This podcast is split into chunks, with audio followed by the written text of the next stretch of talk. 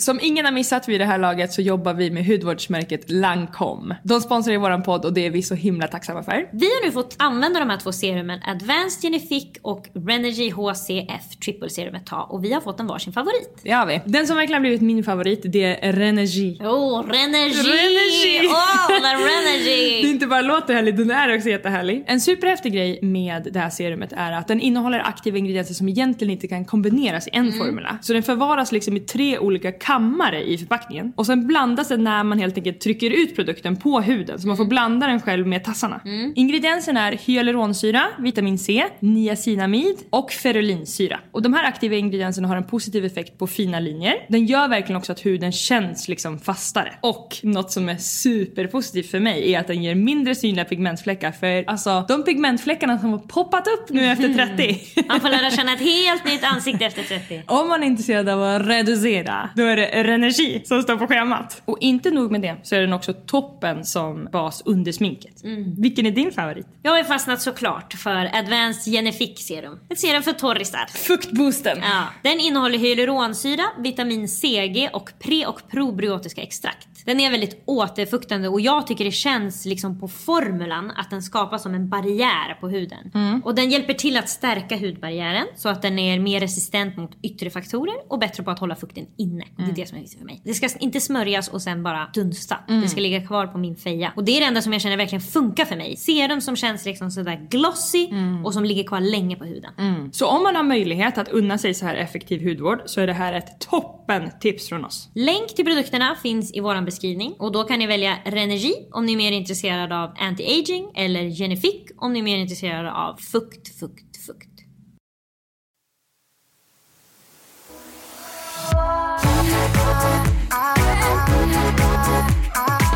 Häromdagen hade jag ett möte med en kille som har startat en app.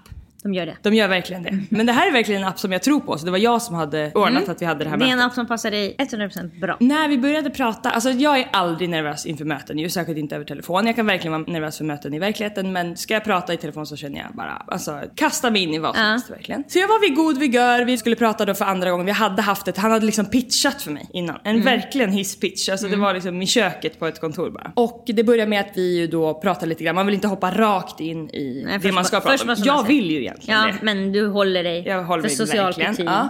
Jag skulle kunna säga hej, okej, berätta. Alltså utan att man nästan säger vad man heter. Men vi började prata lite om helgen då och han berättade att det är första gången på jättelänge som han liksom har varit helt nykter och bara varit hemma Mm. över hela helgen. Och eh, detsamma gällde för mig. Så vi var liksom i samma, alltså kunde prata om samma sak då. Mm. För vi hade båda samma känsla. Att det var måndag och vi är väldigt vana vid att man, båda två tycker det är jättekul att jobba. Mm. Och det är liksom vårt största intresse. Men just måndagen är man ofta kanske inte så kreativ. För Nej. att Man är fortfarande lite bakis. Ja men inte, man behöver inte ens vara bakis. Alltså, det är ju verkligen ett gift. Mm. Och det det gör absolut mest som märks snabbast är ju att det tar bort kreativitet. Alltså man, Dagen man efter, kommer inte för det känns som saker. att vi inte får kreativa på fyllan. Jo absolut. Men inte dagen efter. Inte dagen efter och jag skulle säga inte två dagar Inte två Alltså, dagar. Ja, det ligger kvar då. jag pratar verkligen inte nu om bakfylla. Jag pratar Nej. inte om ligga i sängen, ont i huvudet, må illa, vad folk gör. Mm. Jag pratar om måndag in på tisdag när folk har festat på helgen. Mm. Är liksom, man kan vara glad, man kan sköta sitt jobb hur bra som helst. Men man kommer kanske inte på de bästa idéerna. Nej, man, man, går lite den på ex- autopilot. man har inte den där extra energin. Exakt. Och det är ju någonting som min och hans sort tycker är värt då. Mm. Men det är ju så speciellt att, för det vi pratade om var att man köper ju att ha, ha kul och vara social på helgen med att inte vara kreativ i två dagar. Mm. man betalar. Ja precis, man betalar. Och det är så speciellt för det är så tvetydigt för att man får så himla mycket, alltså han sa det, jag fattar inte varför man inte bara struntar i att dricka. Han, vi känner inte varandra heller så bra så han vill ju också verka bra inför mig. Mm. Så jag fick ju säga till honom, jo men sådana som dig och mig, vi får ju så mycket energi av att liksom sitta där Vara på en på fest. Mm. restaurang, prata, alltså så. Och såklart ska man inte liksom få minnesluckor. Men de här tre glasen, alltså det gör så mycket för att man känner sig liksom social, lycklig, man bondar, alltså den där, Mm. det blir som den ultimata känslan av det man hela tiden söker. Mm. Och det gör ju också att andra kommer till ens egen nivå. Mm. För att alla som dricker som inte liksom är så extrovert och social som jag och den här killen är, kommer ju till oss på något sätt. Mm. Alla Eh, loosen up lite. Ja, verkligen. Helgen. Och eh, nej, men vi pratade jättemycket om liksom, skam kring alkohol och vad som är värt och inte. Och att, alltså, det är så ful, även om det är så stort i vår kultur att Det dricka. är, verkligen, alltså, det är verkligen både och. Det är som skönhetsoperationer för kvinnor. Vi pressas till att Ja. göra det och när vi har gjort det så skammas vi. Exakt. Och exakt så är det med alkohol, att det, är ju, alltså, det finns ju inget annat som ska pratas om hur härligt det är. Alltså, det är inget annat som skojas lika mycket om. Det är som att vi pratar inte om något annat och Nej. sen när man gör alla bara “men gud, alko- du är alkoholist, du, alltså, du klarar inte av och... Alltså då blir man så skammad. Om, Ja, man, om man gillar att dricka. Jag hörde i Fredagspodden förra veckan att de pratade så mycket om att skammen är kanske en lika stor bov så länge man dricker med måtta Mm. som själva drickandet. För att man liksom, man vaknar upp och tänker åh vad har jag gjort nu? Och man, folk säger jaha, hur, liksom, hur var det i Man helgen kommer då? till festen, man har redan druckit när man kommer till festen. För att man vill inte att folk ska säga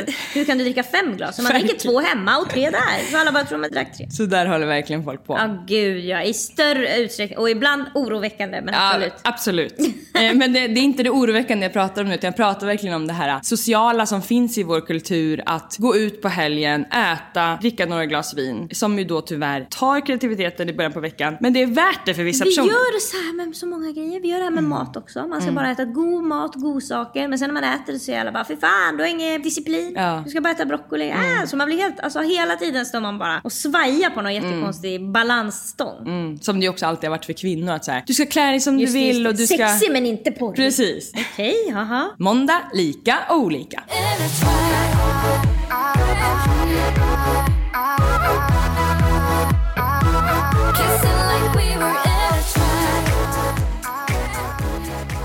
Jag har fastnat i en nostalgi kring sent 90-tal till tidigt 2000-tal. Mm. Det var en period i mitt liv där jag var preteen, vilket innebär att jag kände väldigt mycket. Hur gamla var vi? Vi är mellan 8 och 14.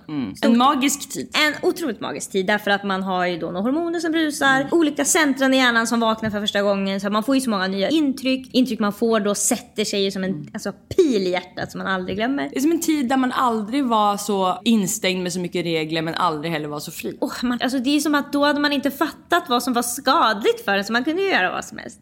Det är också som att det skapas nya core memories var tredje vecka när man är i den åldern och var tredje år när man är i vår ålder. Så att det är som att det blir så himla kompakt under den tiden. Precis, 50% av våra minnen är från det. Exakt! Det blir så att våra viktigaste minnen, våra starkaste känslor kommer från den tiden. Det för man gjorde allt för första gången ju. Ja precis. Så det var ju alltså, första gången man var riktigt ledsen, första gången man alltså, kände att en kille gjorde som man höll på att svimma. Man lär sig känslor ja. Visst det, man lär sig besviken. Ja, det var när det här Och hände. man också, man ser på äldre personer, man ser på musikvideos, man ser på film och tänker det där ska jag uppleva. Och alltså jag minns verkligen när Så jag... långt kunde inte jag tänka dock. Men jag förstår att du gjorde det. ja men du tänkte i alla fall, du tänkte kanske inte alls det. Jag lärde mig känslor. Alltså jag kunde inte tänka så långt att det där kan man uppleva. Jag tänkte bara en film. Ja men till exempel, Mm. jag minns när jag fick köpa ett par Axara-byxor. Mm. Det betyder mycket för dig när jag säger det.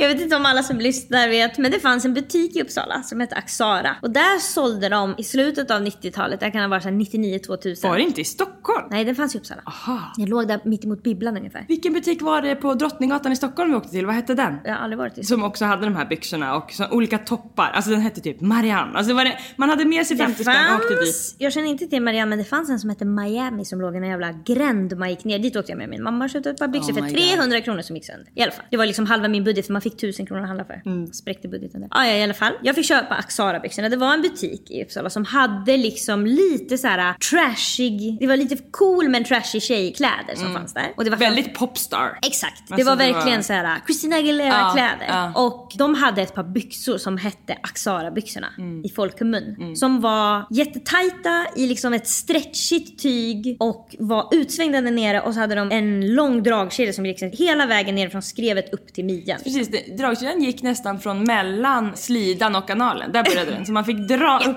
Absolut, absolut. Ja. Upp till alltså naveln eller brösten beroende på. De var höga ja. Jättehöga. Mm. Vilket var speciellt i den där tiden. För man skulle inte ha höga Det, det var precis innan midjan åkte ner skulle jag säga. Okej. Det här är precis innan. Och jag var ju då ja, 9-10 år gammal. Så väldigt, väldigt liten. Så att när jag gick in i den där affären, alltså det var ju som att mamma tog dit mig och bara vi får väl kolla på minsta storleken. Och eftersom att de var så där extremt stretchiga så kunde jag ha deras XXXXS. Kunde jag sätta på min lilla kropp. Men de var ju alldeles för långa. Mamma fick ju upp dem med 30 cm eller någonting. Så att jag kunde gå på dem utan att gå på dem. Du förstår. Och jag kommer ihåg när jag fick de där byxorna att jag kände bara att nu alltså. Vad tog du för färg? Svarta? Jag hade faktiskt lila. Ljuslila. Lila. Oh my De god svarta var klassiska. Jag hade ljuslila. Jag får rysning, kommer ihåg mina röda.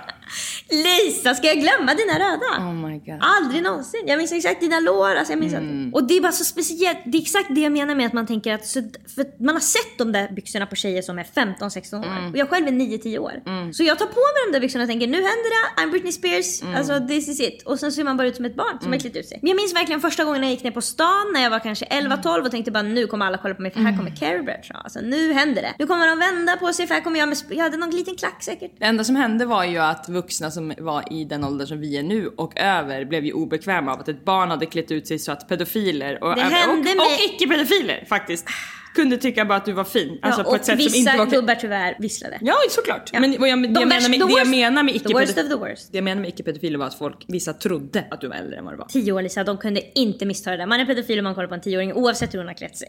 Okej. Okay. Men jag var också alltså en pinne. Ja. Det var inte så att det var några former som hade formats. Nej. Det skulle dröja 17 år innan. Det som var med dig ändå, som ju inte var med mig, även om jag var dubbelt så lång och liksom kanske hade mer ett moget utseende än vad du hade, mm. så hade ju du någon aura av, du kunde ju ha så här ringar i öronen. Absolut, jag hade attityd. Ja, och det, jag tror det gjorde ändå, kanske inte folk trodde du var 18, men Nej. folk trodde nog absolut du var 15. Jag har fått höra hela mitt liv att jag ser yngre ut. Jag vet, men jag berättar för dig nu att du ser yngre ut, ja. men du har alltid haft en aura. Absolut. Mm. Men det var många som tänkte, där kommer en 8-åring som beter sig som en 14-åring. Det var det många som tänkte, så var det bara en 10-åring. Men jag minns verkligen liksom att då tänkte jag att nu händer det, nu är jag stor. Mm. Det hände mig för inte så länge sedan att jag gick på stan och såg en tjej som var kanske 14, mm. som gick med en kille och hon hade någon urringat linne eller några mm. låga byxor exakt som vi var klädda. Och jag tänkte att fan vad det är vidrigt att se sådär unga tjejer och veta att de ligger med de där killarna. Mm. Det kändes jätteobehagligt i min kropp som vuxen. Mm. Vet att de där knullar mm. hårt. Hon vill inte alltid. Det är mm. olika, hon sover och vaknar. Det är i duschen, det är i so mm. soffan. De provar saker som de inte vill göra. De gör det för att vara coola. Och jag kände bara att jag vill inte veta att det här sker. Mm. Jag fattar att det sker. Jag har själv varit 14 år. Eller liksom, det kändes inte, det är inte så att jag vill gå fram till henne och säga du måste ta på dig ett annat linne. För det är inte det det handlar om. Det handlar om att jag inte... Det är så obehagligt när man är vuxen och känna unga personer vilja vara vuxna.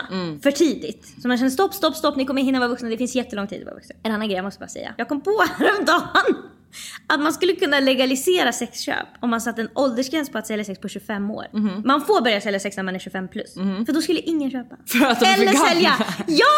Lisa, det, hela industrin skulle själva, jag lovar dig. Ja. Killarna skulle säga att det är inget kul längre. De vill ju köpa 14-åringar. De är helt galna. Och när man är 25 plus då känner jag också då kan man ta det beslutet. Mm. Men det är när man ska börja när man är 18 som man blir orolig. I alla fall, vi lämnar det ämnet. Och det jag ska berätta är att jag då också, nu när jag fått den här renässansen, jag börjar tänka på Axara-byxorna. Då lyssnar jag även på den musiken musiken. Mm. Och då lyssnade jag på This Kiss. Är du så nostalgisk? Så om du kommer in på något då liksom lever du det? Det är också att återupptäcka, alltså för det är nu som att nu hör jag ju texterna på ett annat mm. sätt. Jag kan förstå då vad min mamma kände. Jag kan också alltså, hitta låtar som jag verkligen gillar, som mm. är gamla. Ja vissa är ju jättebra. Ja, exempelvis This Kiss med mm. Faith Hill. Mm. Oh, jag sjunger med i lite Centrifugal motion. Alltså jag tycker det är helt otroligt.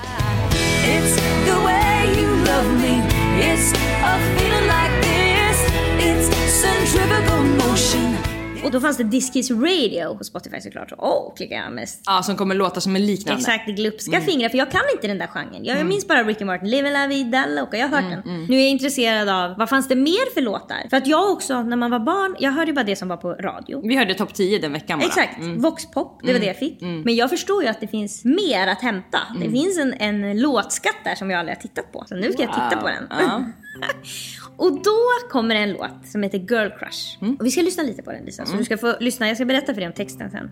I got a girl crush Hate to admit it but I got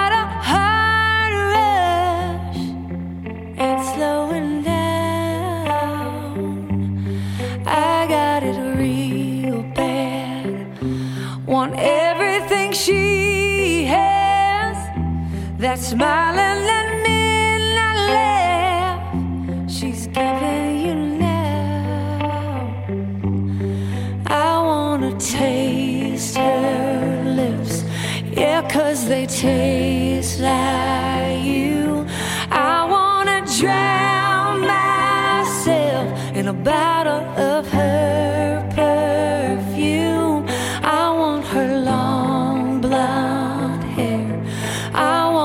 magic touch. yeah. could.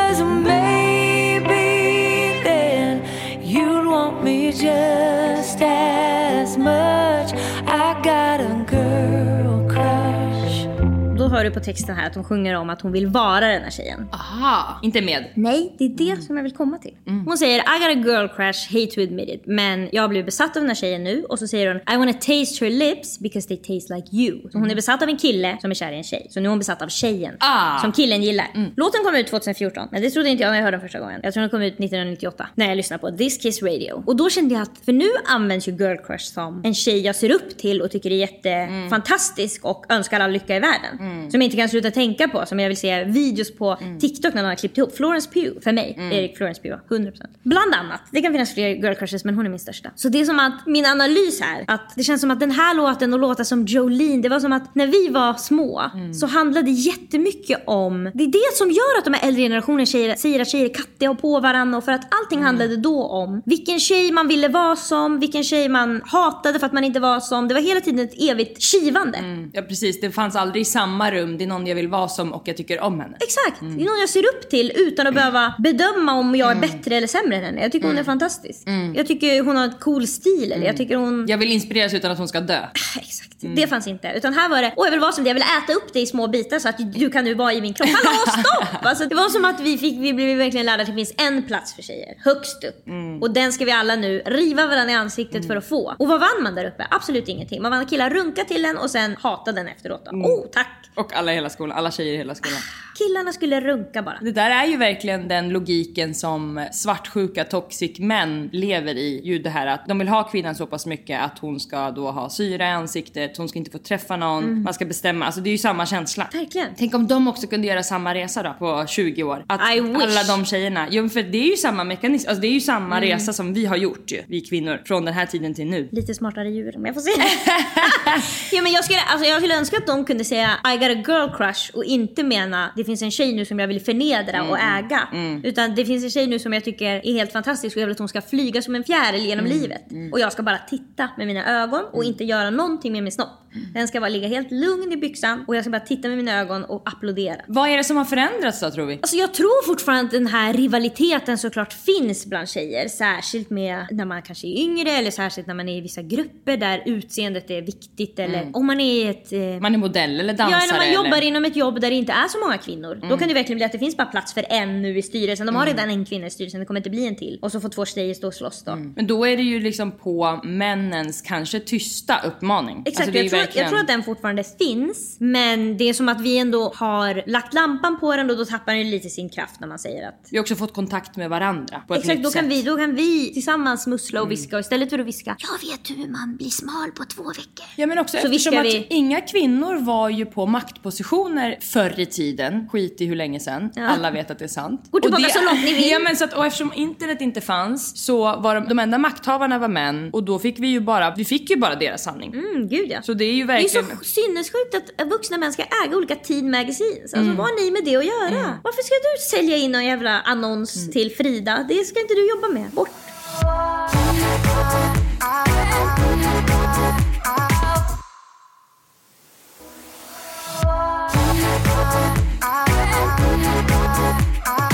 Hjälp mig från mitt patetiska liv. Öppna mejlkorgen!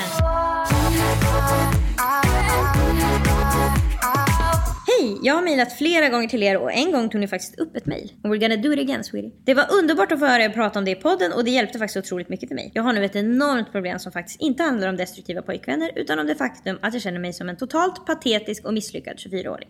För det första så kom jag inte in på en drömutbildning. Jag har inte betygen för det och jag har skrivit högskoleprovet flera gånger men inte fått det resultat som krävs. Jag vill egentligen verkligen försöka satsa på att plugga inför högskoleprovet men vet att det är så himla svårt och jag är ensam med det och vet inte riktigt hur och vart man ska börja. Sen har jag inte disciplinen som krävs. Jag vill att plugga och satsa på det i flera års tid, närmare bestämt tre år men jag kommer ingenstans. Jag vill heller inte börja på någon annan linje, redan där känner jag att det ska vara misslyckande. Sen ska vi inte ens prata om bristen på pengar jag har haft trots att jag jobbat alla de här åren. Folk köper hus och bilar och blir gravida och jag lever lön till lön. Alltså har du något tips kring det här med pluggandet? För jag, alltså, hon skriver så många gånger det är det här jag vill göra.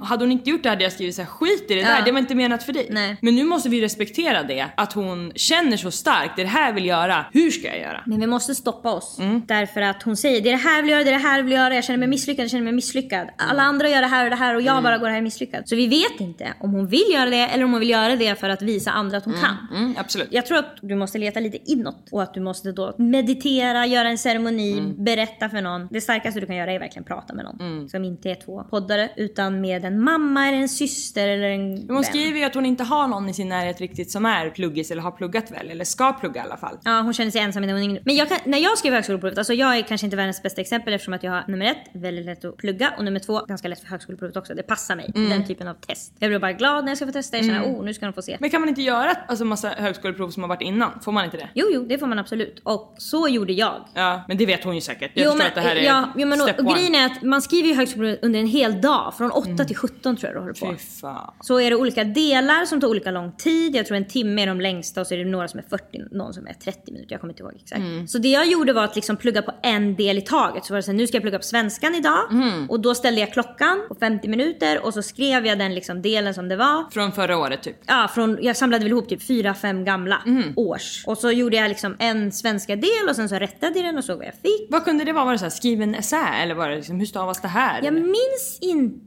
riktigt hur det var. På engelska tror jag, jag tror både på engelska och svenska är det läsförståelse. Du Oh. läser en text och sen ska du svara på frågor om den. Därför att jag kommer ihåg att jag läste en text om dyskalkyli. Som är som dyslexi fast för siffror. Och att texten handlade om att det troligtvis inte finns dyskalkyli utan vi lär ut matte på ett sätt i skolan. Och det, är bara sämst. det passar inte alla. Så att de som det inte passar säger man de har dyskalkyli fast egentligen skulle de kunna lära sig men på ett annat sätt. Och att kanske dyskalkyli bara är en av massa saker som man har när man till exempel har ADHD eller Ja, andra. och det, det texten pratade om var att det finns ett sätt att lära folk med ADHD eller dyskalkyli och matte. Men vi väljer inte det. För att vi vill att 80% ska lära sig och vi skiter i 20%. Vi säger bara nej, oh, nej, oh, du får gå matte light, det är lugnt. Fast egentligen hade de kanske kunnat blivit våra n- nästa matematiker men vi skiter i det. Tänk när du berättade nu om att eh, det var läsförståelse så ryggade jag tillbaka Mm. fysiskt och tänkte såhär, åh fy fan. Och att jag har alltid hela mitt liv ju har trott att bara för att jag ju har svårt att ta in text, Mm. för att jag glömmer det jag har börjat läsa när jag har läst sista i en mening bara. Mm. Eller det går för långsamt så jag börjar tänka på något annat. Så har jag trott att jag är ju dålig på att förstå också Mm. ord. Men när jag gjorde min ADHD-utredning så fick jag ju hur högt på det som helst. Alltså så här, ordförståelse var så här, du är Top liksom notch. kungen. Ja. Det är så häftigt sånt där just på ämnet du pratar om nu att hur man har blivit lärd saker. Ja det är ju så att skolan är liksom gjord för en typ av inlärande som passar vissa men inte passar vissa och då är det bara så här, då är du dålig i skolan. Fast egentligen var det bara då fick du lära dig på fel sätt. Men jag kommer ihåg att det var engelska läsförståelse, jag tror det är svenska läsförståelse och sen är det en som är typ så här förstå kartor och grafer. Man får typ se en graf där det är så här invånare i Göteborg kommun 1994 och sen är det frågor så här hur många kvinnor bor i Göteborg så ska man då hitta Istället leta, hur fan Ja. det där kommer jag verkligen ihåg från skolan. grafer. Och, och sen så är det en som är ordförståelse. Då står det typ, vad betyder ordet begeistrad? Och så får du fyra olika alternativ och så ska du klicka i vilket det är då. Och jag kommer ihåg när jag skrev det, då var en av dem var, vad är farsi? Som är liksom det persiska språket på persiska. Som bara var en slump att jag visste att det heter farsi. Jag fattar inte hur de... betyder det? Va? Det är det persiska språket. Persiska på, pers- persiska som heter somi, farsi. finska. Ja exakt, det är som somi. Och det var Wow. även ett finskt ord, sisu också med. Ja. Som är så här finsk kämpaglöd typ. Ja. Som jag bara kunde för att jag var kär i en finsk kille. Ja. Alltså jag hade aldrig kunnat det. Jag klickade direkt. Kämpaglöd. Så det var, jag kommer ihåg att det var två random ord som jag var såhär, hur ska folk kunna kunna det? Det är bara en slump. Alltså det är som att jag är med i Slumdog Millionaire och de har skrivit frågor till mig. Och sen tror jag att den femte och sista är matte. Då är det typ så här. Det är det sista på dagen. Nej det behöver inte vara den sista men det är en av dem. Men man får inte välja vilken vi Nej, ska ta nej. först. Du ska göra alla de här i den ordningen de har sagt. Oh. Och det är hela dagen verkligen. Och då är det typ så här. Du har 12 paraplyer, två är gröna, fyra är blå. Hur många är gula? Alltså sådana där typer av frågor. Som är liksom logiskt tänkande så att Mm. egentligen du behöver inte ha läst svår matte. Du behöver bara läst matte upp till nian typ för att kunna klara Ja men man behöver vara jättebra på att ta in information. För det som är, Absolut. alltså när bara när du sa det här nu så jag får hög puls, jag tänker säga jag kommer inte, jag kommer inte komma ihåg. Jag glömmer, jag glömmer, jag glömmer. Ja, och efter nu mitt skryt om ordförståelse så kan jag säga att när jag gjorde det här, just sådana här frågor Mm. som jag fick muntligt till mig under min ADHD-utredning och jag eh, bara liksom, jag fick inte fråga då kan du säga igen. Nej. Utan då var det, alltså det var, Jag det, där skulle jag pass. faktiskt vilja filmat och lagt upp för det var Jag ska ju också skoja bort, skärma. Går ju inte. Mm. Nej, de säger bara nästa fråga. Ja, så det fick jag minus, minus, minus. Minus, minus, minus. Mm. Ja. Men så att jag tror att för att lösa den här första delen av hennes fråga är. Mm. Det, det finns också jättemycket olika, man kan köpa sig ur det här problemet. Det finns jättemycket olika kurser som heter Få 2,0 på högskoleprovet. Bra Emelie. Som man säkert kan ha in person, det finns säkert online, det finns säkert allt möjligt. Det finns sätt att Men hon hade ju ingen duktig. cash. Eller är det bara att hon inte har lika mycket pengar som Ja, de hon som har köper inte hus? lika mycket för att köpa hus och bil. Nej, det är få som har. Ja men precis, det låter som de att hon två. jämför sig ungefär som man jämför sig med folk på sociala medier. Ja. Alltså det, de flesta är ju som hon. De flesta kommer inte in på sin utbildning och har inga Ja, pengar. ja. Inom situationstecken inga pengar. Väldigt få personer köper ju hus själv. De flesta är ju två när de köper De ett hus. belånar De sig belånar sig öronen. upp över öronen. Och det är inte kul nu när räntan Nej. stiger. De är jätteledsna. De behöver också en kram. Mm. De känner också mitt patetiska liv. Ja, de känner att man har det här det De bråkar med sin partner som ekonomi, alltså det är kaos. De måste sälja huset, ingen vill köpa det. Katastrof. Ingen är glad över sådana saker. Vi fortsätter. Ja det finns mer. Nu kommer det största problemet. Jag har inga vänner. Det är därför jag så gärna hade velat börja plugga för då kan jag starta om på nytt med förhoppningsvis lite mer likasinnade människor. Alla mina vänner har flyttat härifrån och utspridda över hela Sverige medan jag är ensam kvar. Har vi någon indikation på hur gammal hon är? 24 år har hon sagt. Oh, tack. Ganska stark indikation. Min syrra är influencer och kändis men alla hennes vänner är extremt creddiga och skulle gå över lik för sin egen status och jag känner mig som den fula ankungen i deras sällskap. Det finns ingenstans jag känner mig så malplacerad som i deras umgänge trots att ingen uttryckligen har sagt eller gjort något emot mig. De flesta kan till och med ibland ge någon komplimang som att man är snygg eller härlig men allt känns fejk. Jag upplever också att många kan vända sin bästa vän ryggen om en ny creddigare, snyggare eller rikare människa kommer in i bilden och för sådana människor känner jag en stark aversion. Jag är alltid den i sociala sammanhang som ser till att ingen står utanför men om jag då erbjuder min plats i ringen så tar personen i fråga min plats och helt plötsligt är jag den som står utanför och ingen hjälper mig in. Man måste verkligen hjälpa andra lika mycket som man hjälper sig själv. Alltså man kan inte hjälpa andra mer än sig själv. Då, är, då måste man bromsa sig. Först syrgasmax på dig, sen på barnet. Ja, det är jätteviktigt. Och annars så skapas ju bitterhet också som ju genomsyras lite här. Att så här om jag ger platsen så tar bara någon den. Jag har som sagt några nära vänner men de är utspridda i olika städer och jag har testat att flytta närmare någon av dem men jag trivdes inte där på grund av att det var storstad och jag saknade min dåvarande pojkvän och familj så jag flyttade hem igen. Sen gjorde jag och min kille slut för några månader sedan och då blev jag ännu mer ensam. Jag har min familj, jag har några trevliga kollegor men vi är en väldigt liten grupp på jobbet så det erbjuder inga stora skalor av kontakter. Jag håller på med en sport och har försökt skaffa mer vänner där men jag upplever dem väldigt lika min syrras influencerkompisar. Jag är ingenting värd om jag inte kommer med ett långt CV på eftersträvansvärda egenskaper som sportsliga meriter eller annat. Jag har varit i den här sportvärlden länge och jag har alltid upplevt det så. Jag har även blivit dissad av en vän där och det gjorde väldigt ont. Vi skulle ses och jag satt hemma och väntade på henne men hon var väldigt oklar och sen ghostade hon mig och jag ser på sociala medier att hon hänger med andra. Och då sitter jag hemma och väntar i flera timmar en lördagskväll och har ställt in andra planer för hennes skull. Det kanske låter som att det är jag som är konstig och att det är mig det är fel på men jag upplever faktiskt mest som att jag inte hittat rätt människor. Jag har liksom dragit i de trådarna som känns rimliga att dra i när det kommer till att skaffa vänner i vuxen ålder. Alltså syskons, vänner, kollegor och fritidsintressen. Och det har bara varit skräp. Hur ska jag göra då? Jag måste också säga, det spelar ingen roll hur, för hon säger, det kanske låter som att det är jag som är konstig, men jag har nog bara inte hittat rätt. De tar inte ut varandra utan det kan också vara så att en konstig person som är annorlunda, alltså alla människor behöver ju bara hitta sitt gäng. Ja, gud, du kan vara hur speciell, eller jobbig, liksom traumatiserad, alltså krävande. Ja det finns ju någon som är likadan. Alltså, Exakt. det finns så många människor Eller som planeten. uppskattad, alltså Ja. som kan ta hand om det på något Ja. sätt. Från det att jag var liten ända fram till typ mitten på gymnasiet så har jag alltid haft folk runt mig och kring mig och jag kände mig aldrig ensam eller utanför. Jag kunde gärna stå i centrum och vad jag vet så hade jag rykte om att vara härlig och snäll. Så nu känns det patetiskt att vara den som blir dissad och sen se på story att någon hänger med en annan. Eller att jag får vara den som står utanför och knackar på i kompiskretsar men inte kommer in. Fy fan vad jag känner mig äcklig och patetisk. Snälla vad ska jag göra? Okej, det här kan alla känna igen sig i. Att man har en kompisgrupp som man är jättetrygg med och sen hamnar man i ett nytt sammanhang och där har man inte så lätt att hitta en kompis. Nej nej Där verkligen. står man och bara oh, oh, oh. det är ju obehagligt att liksom behöva tränga sig på lite Mm. och vara lite påstridig. Särskilt när det är någon man kanske egentligen inte vill umgås så mycket med men man orkar inte vara själv. Ja man sitter ju också i en rävsax för att man måste sälja in sig själv samtidigt som det mest osexiga som finns när man inte känner någon är någon som säljer in sig själv. Ja gud ja precis. Så man måste det- på ett naturligt sätt typ råka säga bara åh tur att jag har med mig två Ja, typ li- bananer idag så att jag kan dela med en vän. Man Alltså. måste typ vara lite manipulativ. Alltså för det- att det är det är sånt vidrigt. jävla maktspel. Även när man skaffar vänner. Jo, det är som att ingen vågar heller riktigt committa för man vet inte om det kommer något bättre senare utan folk är bara åh, Man måste vänta innan man ringer. Alltså det är verkligen sådär, kan jag, nu hörde jag av mig två gånger. Jag är ju faktiskt i en sån situation nu med Olivia från Bachelorette som jag Mm. har ju börjat umgås med mycket. Det är väldigt bra stämning mellan oss och liksom så men vi är ju på kulmen nu så här, ska vi bli väldigt bra vänner eller ska, Mm. Ska det typ rinna ut i sanden? Ja men precis, exakt såhär, åh våran, kommer du ihåg vår tid? Ja.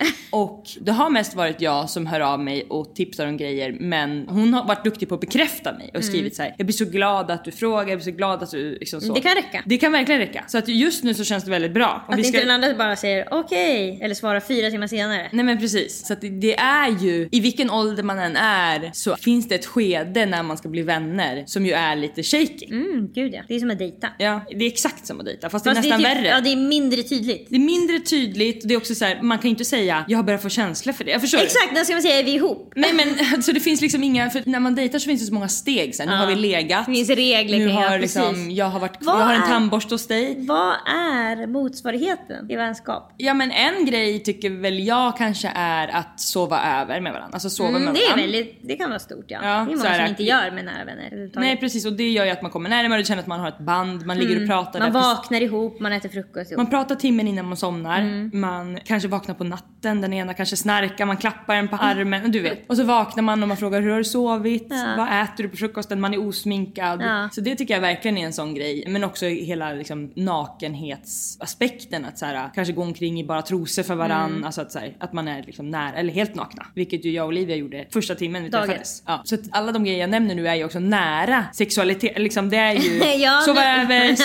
absolut. så. Men finns det, alltså jag tänker om det finns några andra lite mindre grejer. Första kyssen det är första gången man kanske som planerar att ses med en sån där ny kompis. För först så blir ni ju bara ihop. Det är ju dejt, samma. Att Jo men inte riktigt samma. Okej. Därför att dejt, då har man haft en första dejt. Det här är utan att man har haft en första dejt. Det är som Mm. att bjuda ut någon som finns på jobbet fast... Du menar man sätts på klubben och man ska dejta som kärlekspar. Då har man setts en gång innan. Är det det du menar? Ja exakt. Ja, men det kan också vara att man bara pratat. Men strunt samma. Men är det inte också kanske så här bli bjuden på tjejmiddag eller liksom så här med den personens närmaste kompisar? Att man liksom får komma in i Folk värmen. som har en årlig födelsedagsfest, Mm. där skriver de en lista över vilka de anser vara sina vänner. Och det skiftar. Mm, det skiftar absolut. Och har man umgåtts nära med någon då senaste månaden Mm. så kan man få komma på den festen och sen året efter så känner man oh my god, umgicks vi ens? Verkligen. Ja. Alltså jag kommer inte ihåg, du får ju berätta för mig ibland vilka jag bjöd när jag fyllde 30. Och jag kan bli helt chockad. Ja och då kan du bjuda folk du träffade dagen innan. Så kan du vara så åh jag bjöd också över Det är sant, jag Michael bjöd och så himla många men, men samtidigt så jag bjöd ju ingen som jag inte tyckte om. Förstår du? Absolut. Men jag tycker också det kan vara något så lite att man ger varandra lite presenter. Det handlar ju dock om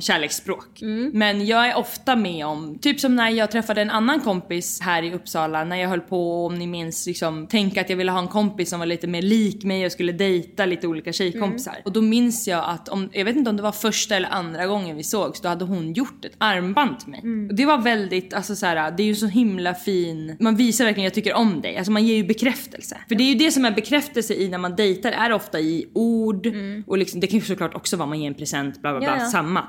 Men det är enklare när man dejtar för att det finns, det är redan förutbestämt. Ja, det finns, samhället vet Ja, och kommer fråga är ni Ja. ihop? Det är inte som att om jag träffar dig och en annan tjej bara, är ni kompisar nu eller? Nej men precis, Alltså, exakt. Det är ingen som kommer fråga. Det finns bara ovän eller vän. Ja. Be, nej, ovän, bekant, vän. Ja, det, det Eh, är tripp trapp trull. Mm, så att det är så svårt för att man är vän med många som man kanske inte hör så mycket med. Så det är... Jag ska berätta nu vad som är ett första steg till att bli kompisar. Ja. Alltså om det är någon som man självklart inte gått fram till på stan utan någon som man typ jobbar med eller går i skolan med. Det är att skicka alltså, roliga bilder eller roliga videos om någonting man har pratat Mm, Det är flörten. om. Ja, ex- ja men jag menar det är det första flörtsteget. Mm, att skicka ha ha ha och så en, en katt med solglasögon. Överhuvudtaget att skicka ett privat meddelande, vi kan väl stanna där. Skicka ett sms, Mm. skicka liksom, alltså det är ju speciellt, det är bara du och den personen. Du har skickat ut någonting till den som den har ska aldrig svara på. smsat förut. Nej nej precis, första gången man över internet skickar något i en closed chat, Ja. det är ju speciellt. Men det kan ju då vara att man skriver har du öppning imorgon? Absolut, okej, skriver något privat. Ja det är det men det är därför det måste vara katten med solglasögon. Ja, ja, mm. Men haha du igår.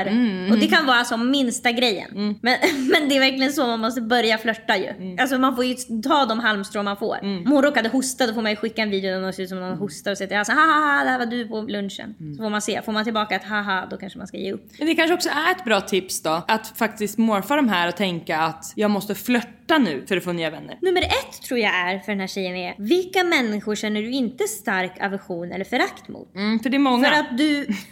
ja, det är det jag menar. Så att vilka är det? För varför ska hon flörta med folk som hon sen känner Nej, det att hon inte vill hon vara med? Ja, nej det ska hon inte. För det verkar som att de människorna som är runt henne nu tycker hon inte om så mycket. Så det är ingen egentligen där som hon vill bli vän med. Så då måste hon leta. Okej, det är kanske det du måste göra. Skriv ner. Vilka egenskaper vill jag att en vän ska ha? Mm. Och där vill jag flika in också, inte bara för att jag jobbar som influencer själv utan som medmänniska att att hon drar lite alla över en kant här där hon säger att influencers är på ett speciellt sätt för att i alla branscher i hela världen så finns det olika människor. Ja. Så att om man, om man inte heller tillåter sig att lära känna någon, det känns som att hon har ganska mycket förutfattade meningar helt enkelt. Jo men det kanske är så bland hennes systers vänner då. Jo, absolut. Så kan det vara. Och jag tror faktiskt... Jag, jag tvivlar, det är det. Du tvivlar på att de är så? Ja, verkligen. Alltså jag, jag förstår att de är så på ytan och det Ja. är ju osäkerhet. Ja. Och att de måste vara så med varandra. Alltså, Men jag tror alltså, det finns ju jättemånga i influencerbranschen som är sådär. Jo, jag vet, men, men inte i grunden. Alltså de är ju Nej. alltid, det handlar ju om att det ska vara på ett speciellt sätt och det är ju väldigt så här, hierarki, vem har mest följare, vem har så här, och sen så har de ju också troligtvis andra intressen än vad hon har som de vill prata om på första basis som hon inte är intresserad av och det respekterar jag. Men det är också viktigt att tillåta sig att lära känna folk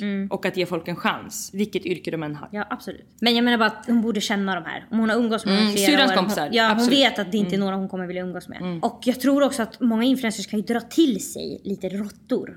Mm. Så att det kanske är råttorna som är där. Och sen syrran är inte så duktig på att urskilja råttorna. Eller så gillar hon råttorna, vad vet jag. Många Ja. gillar att vara råttkung. Hon kanske är det. det är verkligen många som gillar.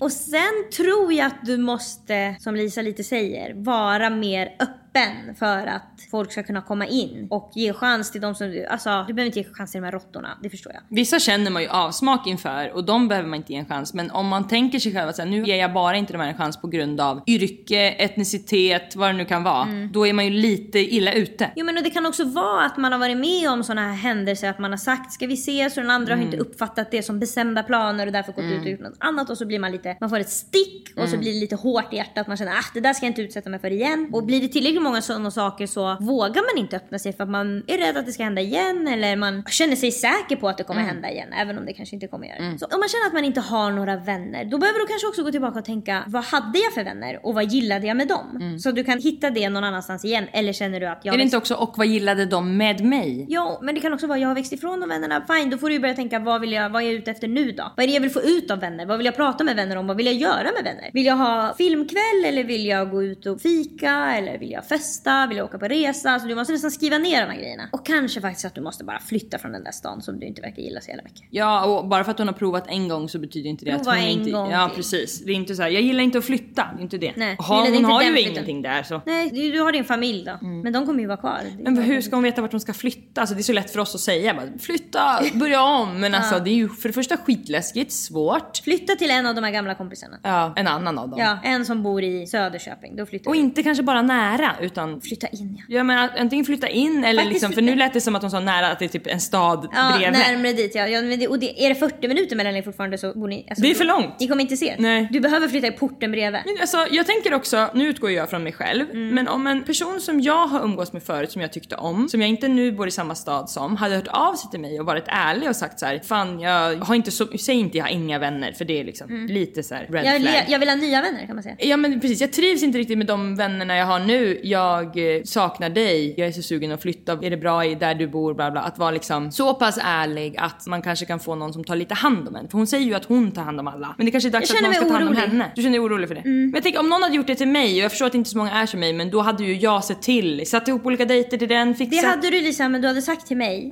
Den här personen har hört av sig så nu har jag den Ja. i röven. Jag vet, men det kanske är värt det. den, så jag kommer fixa så den umgås med någon annan för jag vill inte att den ska umgås med mig. Och det kanske är värt det. det kan vara värt det men jag tror det kan vara värt att bli en finne i någons röv. Men om det, Mm. det, men det och det är bara, det, så skulle jag reagera att ja, men det är inte säkert att Nästan alla Lisa, jag tror Okej, det. Du okej. är, alltså, du är inte den som är snabbast att trycka på patetisk-knappen. Nej, okej. Så att om du har tryckt, då vet vi att alla andra skulle ha tryckt. Okej.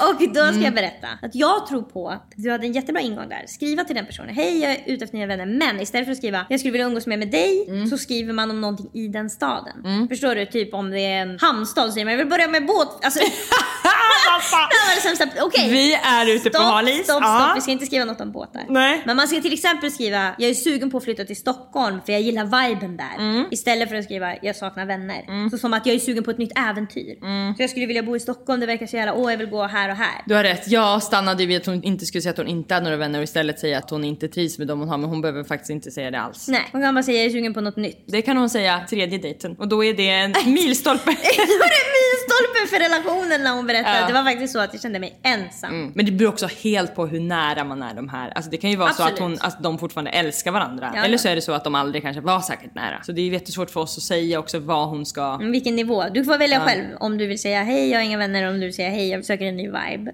Men jag tycker också det är viktigt om man har känt att man har misslyckats så här mycket i så många år med att dra till sig människor och att man har känt så här: jag får ingen uppskattning, jag sitter bara och väntar. Då måste man också ändra sitt eget beteende lite grann. Mm. Man måste inte, men det kan vara en bra idé. Jag tror verkligen att du måste göra en inventarie inuti här nu. Riva Mm. både ut vilka själv. Mm. grejer är dina grejer och vilka grejer är andras grejer. För ibland så har man kvar andras grejer. Man har något ex som man vill bevisa något för, man har Mm. någon jävla högstadietjej som man ser har blivit gravid och så vill man bara bräcka henne på något Mm. Sjukligt vis. Det där måste du liksom sortera ut.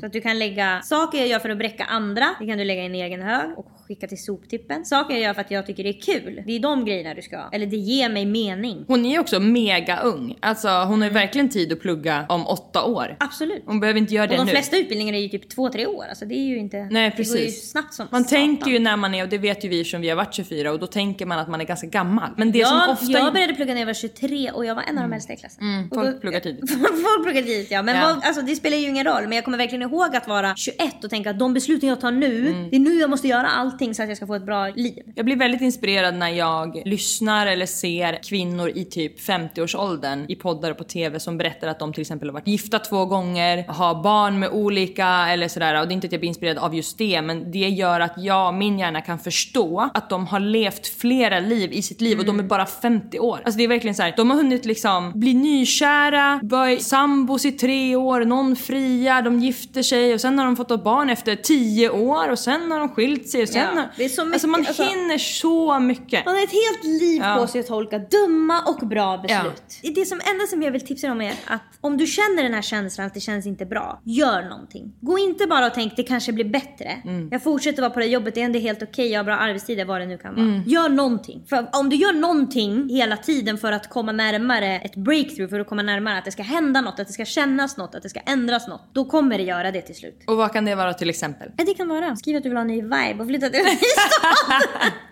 Ja. Det kan vara sluta på jobbet, det kan vara prova en annan utbildning i ett år innan du söker den här drömutbildningen. Börja sälja oljor, alltså gör vad som Gör vad du vill. Gör, Gör något någonting. nytt. Gör någonting. Maila oss på likaolikapodden gmail.com och ge jättegärna podden fem stjärnor i din poddapp. Ha det så bra! Hej då! I don't want another heartbreak. I don't need another turn to cry. No, I don't wanna learn the hard way. Baby, hello. Oh no, goodbye. But you got me like a rocket shooting straight across the sky. It's the way you love me. It's a feeling like this. It's centrifugal motion. It's perpetual bliss. It's that pivotal moment. It's uh, impossible.